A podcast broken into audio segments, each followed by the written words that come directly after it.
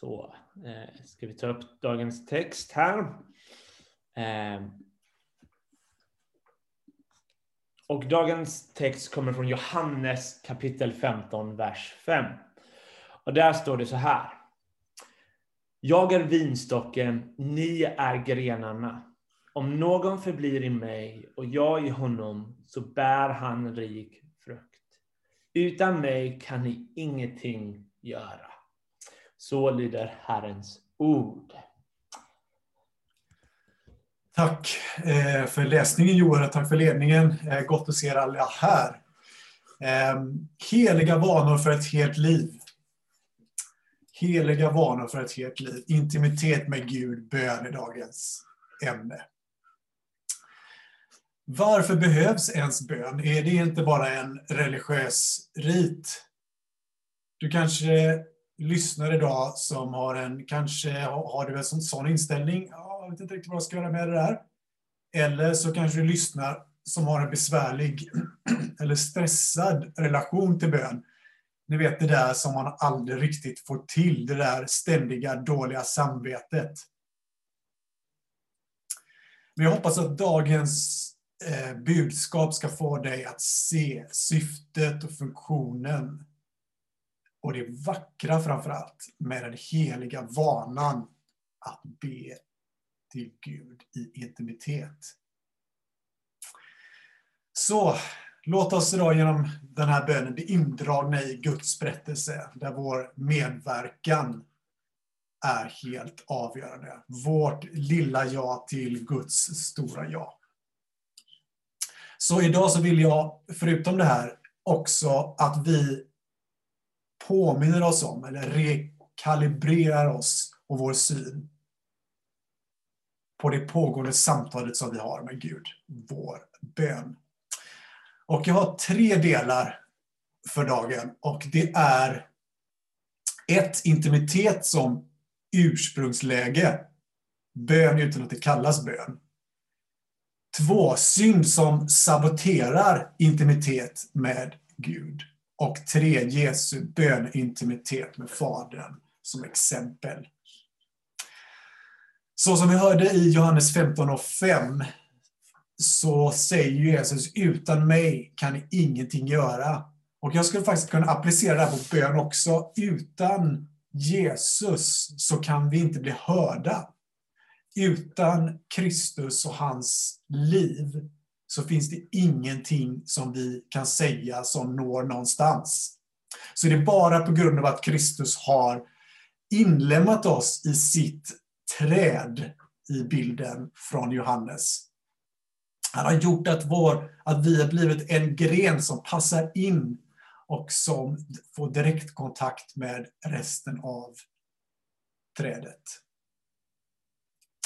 Så, intimitet som ursprungsläge. Och jag skulle bara vilja måla lite en bild för dig här eh, om hur det var innan eh, fallet i, eh, som vi läser i Första Mosebok. Och, eh, det fanns en väldigt kort period i mänsklighetens historia, även om den tidsmässigt skulle kunna vara väldigt lång. Men en väldigt kort beskriven period i mänsklighetens historia som vi läser i Första Mosebok kapitel 2. Så efter att Gud har skapat världen i kapitel 1 som, som skapade skapelseberättelsen, så, så får vi i kapitel 2 en inblick i hur Gud och människan bodde tillsammans i samma hem.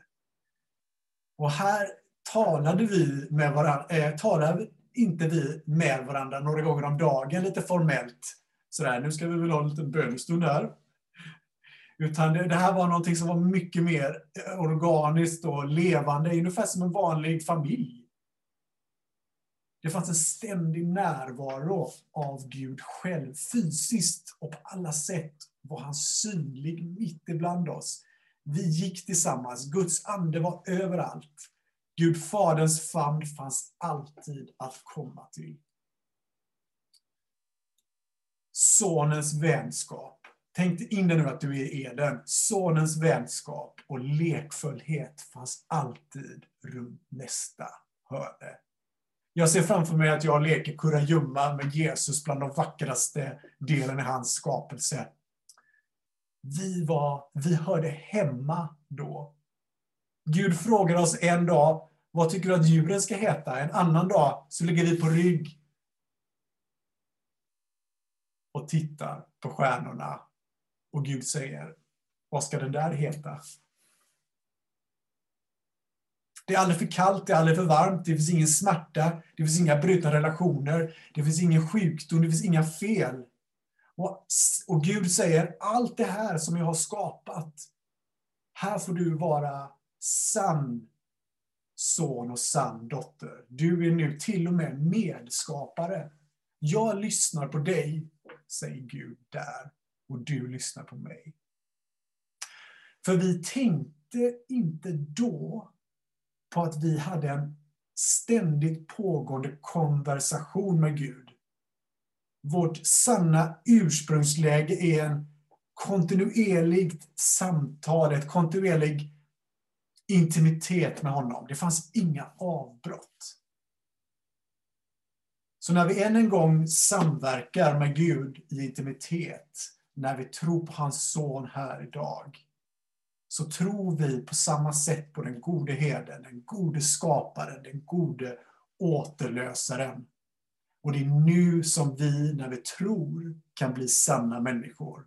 För då i Eden var vi i ständig gemenskap, intimitet med Gud. Vi visste inte om att det fanns ett liv utanför det här. Vi, lyssna nu, vi förblev utan ansträngning i honom. Nära honom. Och när vi ber i vår tid så kommer vi i linje med detta ursprung. Då lever vi fortfarande i Guds närhet. Vi kommer tillbaks, så därför så blir bönens intimitet idag en återgång till det som Gud har skapat för människan. För Gud är fortfarande skapare och vi befinner oss fortfarande i hans skapelse, även om den nu är fallen. Innan jag går in på nästa del som, eh, som handlar om synd som saboterar intimitet, så skulle jag bara vilja ge en litet mellanspel, ett interlude. Jag vet inte hur det var för dig när dina barn, om du har haft barn eller har barn, när de var små. Men det enda språket som mina barn när de var små kände till, det var ju skrik. Jag förstod inte oftast vad, jag förstod nästan alltid vad de ville och kanske mamman ännu mer. Förutom mat så behövde det närhet. De behövde inte en vagn utan de behövde en famn. När det senare blev lite större och gnydde och skrek eller ropade mitt i natten, mitt i nattens mörker, när de inte visste vart de skulle ta vägen, så var jag alltid där på några sekunder och frågade, eller viskade, vad är det? Pappa är här. Jag lyssnade på vad de behövde med all kärlek och med ett lyssnande öra. Och så skulle jag vilja säga är bön. Gud Fadern lyssnar när vi ropar på honom när vi viskar, när vi bara vill ha honom mitt i mörkret. Pappa, var är du? Kom mig nära.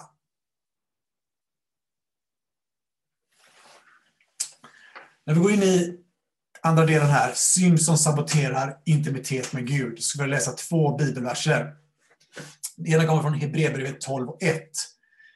När vi nu har en så stor sky av vittnen omkring oss, Låt oss då lägga bort allt som tynger och särskilt synden som snärjer oss så hårt och löpa uthålligt i det lopp vi har framför oss. Jakob 1 och 15. När sedan begäret blivit havande föder det synd och när synden är fullmogen föder den död. Och vi vet också, som ni säkert hört många gånger, att i vad Paulus säger i Romarbrevet, alla har gått miste om härligheten från Gud. Alla är under synd. Synd kan definieras som att missa målet. Vilket mål då? Jo, att vara människa. Att vara så som Gud skapade oss från början. Så synd hindrar oss att bli den vi ska vara och den hindrar också intimitet i bön. Och alla känner säkert av problemet. Alla människor i stort sett, tror jag, märker att de är inte så autentiska som de vill vara. Är inte så kopplade med sig själva. För vi är inte det vi ska vara än. Och synden, avsteget till att bli, titta inåt endast och bli egentligen en egoist. Synd dehumaniserar oss. De gör oss inte, den gör oss inte mänsklig. Den riktar oss mot oss själva. Vi blir egoister istället för att rikta oss mot Gud och bli kärleksfulla utgivare. Så vi är skapade till hans avbild, inte bara i fysisk gestalt, utan även att vår inre människa kan bli mer och mer lik Gud. Och jag är rädd att vi har blivit, i alla fall jag, har blivit lite av en synkretist. Vi tar lite av egoism, vi tar lite av självtillräcklighet, vi tar lite av Bibelns lära, vi tar lite av goda vanor. Och så blandar vi runt hela den här grejen och tänker att vi får efterföljelse och, av det hela. Vi relativiserar även synden med att säga ah, det där var bara en, en liten vit lugn. Ah, det där var bara en engångsföreteelse. Om det inte skadar någon annan så. Det var bara en oskyldig liten flört. Det betydde inget, säger kanske den gifta mannen eller kvinnan. Men låt oss inte lura oss så. Den som syndar har gått miste om något viktigt. Vårt fokus flyttas från Gud till oss själva. Och vårt bönespråk blir även nu ofta förpassat till periferin. Vi blir ofta här en babblare. Ber mest för att få olika saker. Synden korrumperar även våra mest djupa motiv. Men, lyssna nu. Bönen fyller en viktig funktion i att det är en säker plats att bekänna synd. Inse att du kommer inför en helig Gud med blod på händerna. Lite dramatiskt, men eh, jag vill inte förminska det. Men alltså, Gud är fantastisk och han kräver av oss att vi ska bekänna vår synd. Bekänn därför och lägg på så sätt ifrån dig skammen. Gå sedan och be om förlåtelse om du har felat mot någon annan också. Var i hjärtat som den förlorade sonen som sa när han kom fram till den springande fadern i berättelsen. Jag har syndat emot himlen och mot dig. Och här i att vi ser att synden håller på att korrumpera oss och till och med sabotera vår intimitet. Så kastar vi oss, när vi ser det, så kastar vi oss på Guds nåd. Vi säger, jag bekänner inte bara min synd utan bekänner även dig som Herre. Kom med ditt ljus över hela mitt liv.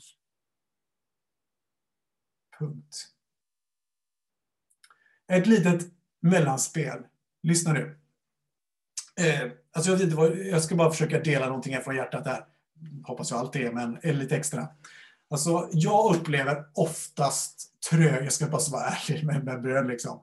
Jag upplever oftast torrhet och tröghet i den här intima bönen. När man, du vet, när man lägger undan allting och så vill man bara ha en stund med Gud och så man kanske går en promenad eller vad det kan vara för någonting. Man lyssnar på lite lov, som vad det kan vara för någonting och ger ge liksom en stund eh, av sin egen tid. Så upplever jag ofta ett, bara en torrhet och en tröghet och vad ska jag säga? Jag känner att jag inte riktigt tror. Jag känner att ah, det här bara fungerar verkligen det här. Är du verkligen där Gud? Och ofta tar det rätt så många minuter innan jag kommer i linje med både mig själv och med Gud.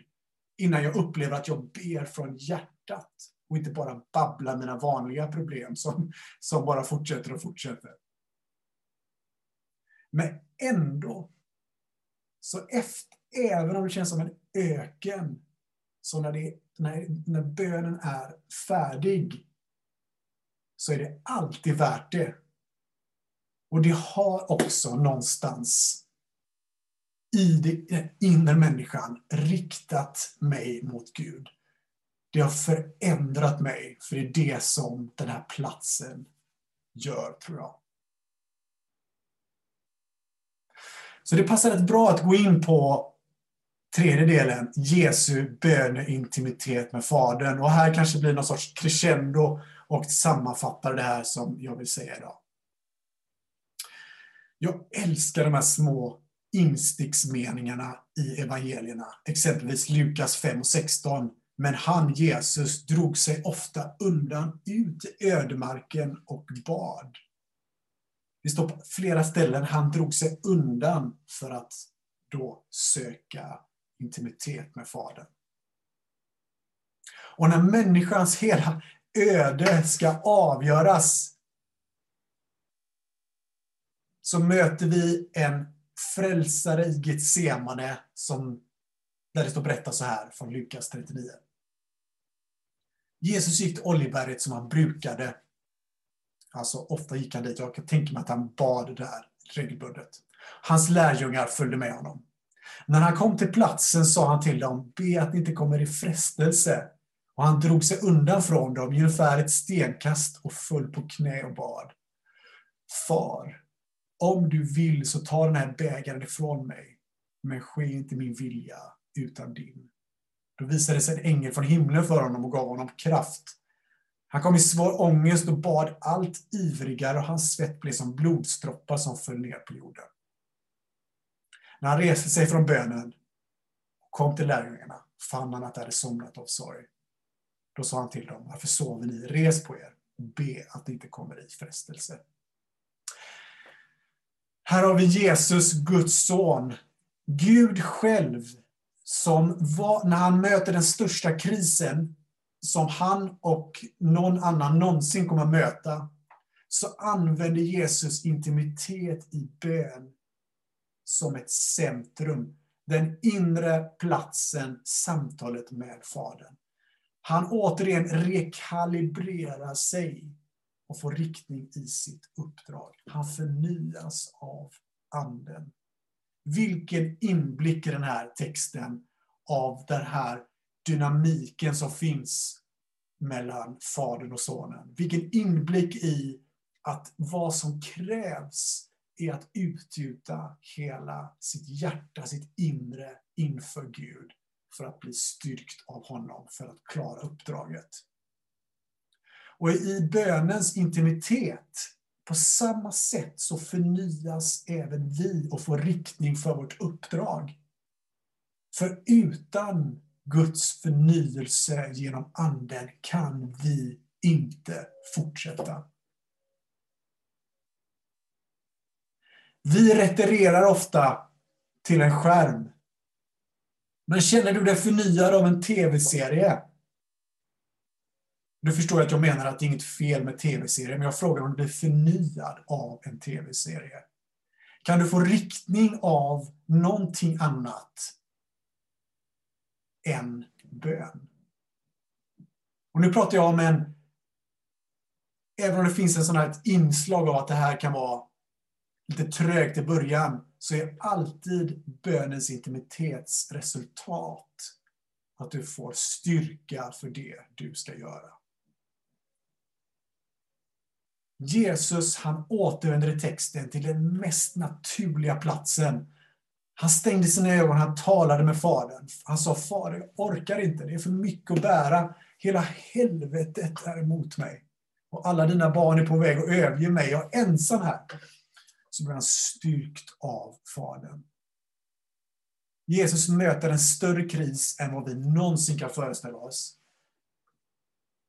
Och ingen annan kan bära den än han. Och ändå är det så likt de kriser vi möter, fast i mycket mindre skala. Så vad retirerar vi till? Retirerar vi till en plats i böneintimitet med Gud? En plats bortom tid och rum, kan man säga, som ger dig allt du behöver.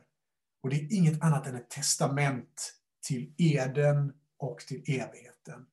I bönen, i intimiteten med Gud i bön, så visar Gud, han hjälper oss, han drar oss till att bli förändrad till hans sons avbild. På grund av det, eh, det exemplet som vi såg i Eden så kommer han föra oss ända till platsen där han kommer återupprätta allting så som det var från början. Och under tiden, mellan hans två tillkommelser, så kan du och jag bli formade genom intimitet i bön till hans avbild. Så retirera till hjärtats samtal med Gud. Retirera då, när du möter kriser på olika sätt. Så syftet med bön, ska alldeles strax sluta, sista meningarna. Syftet med bön, hur jobbigt och inte succéartat det än är, så är det att rekalibrera dig med din skapare och med din egen mänsklighet. Tro att det funkar. Tro att han lyssnar. Amen.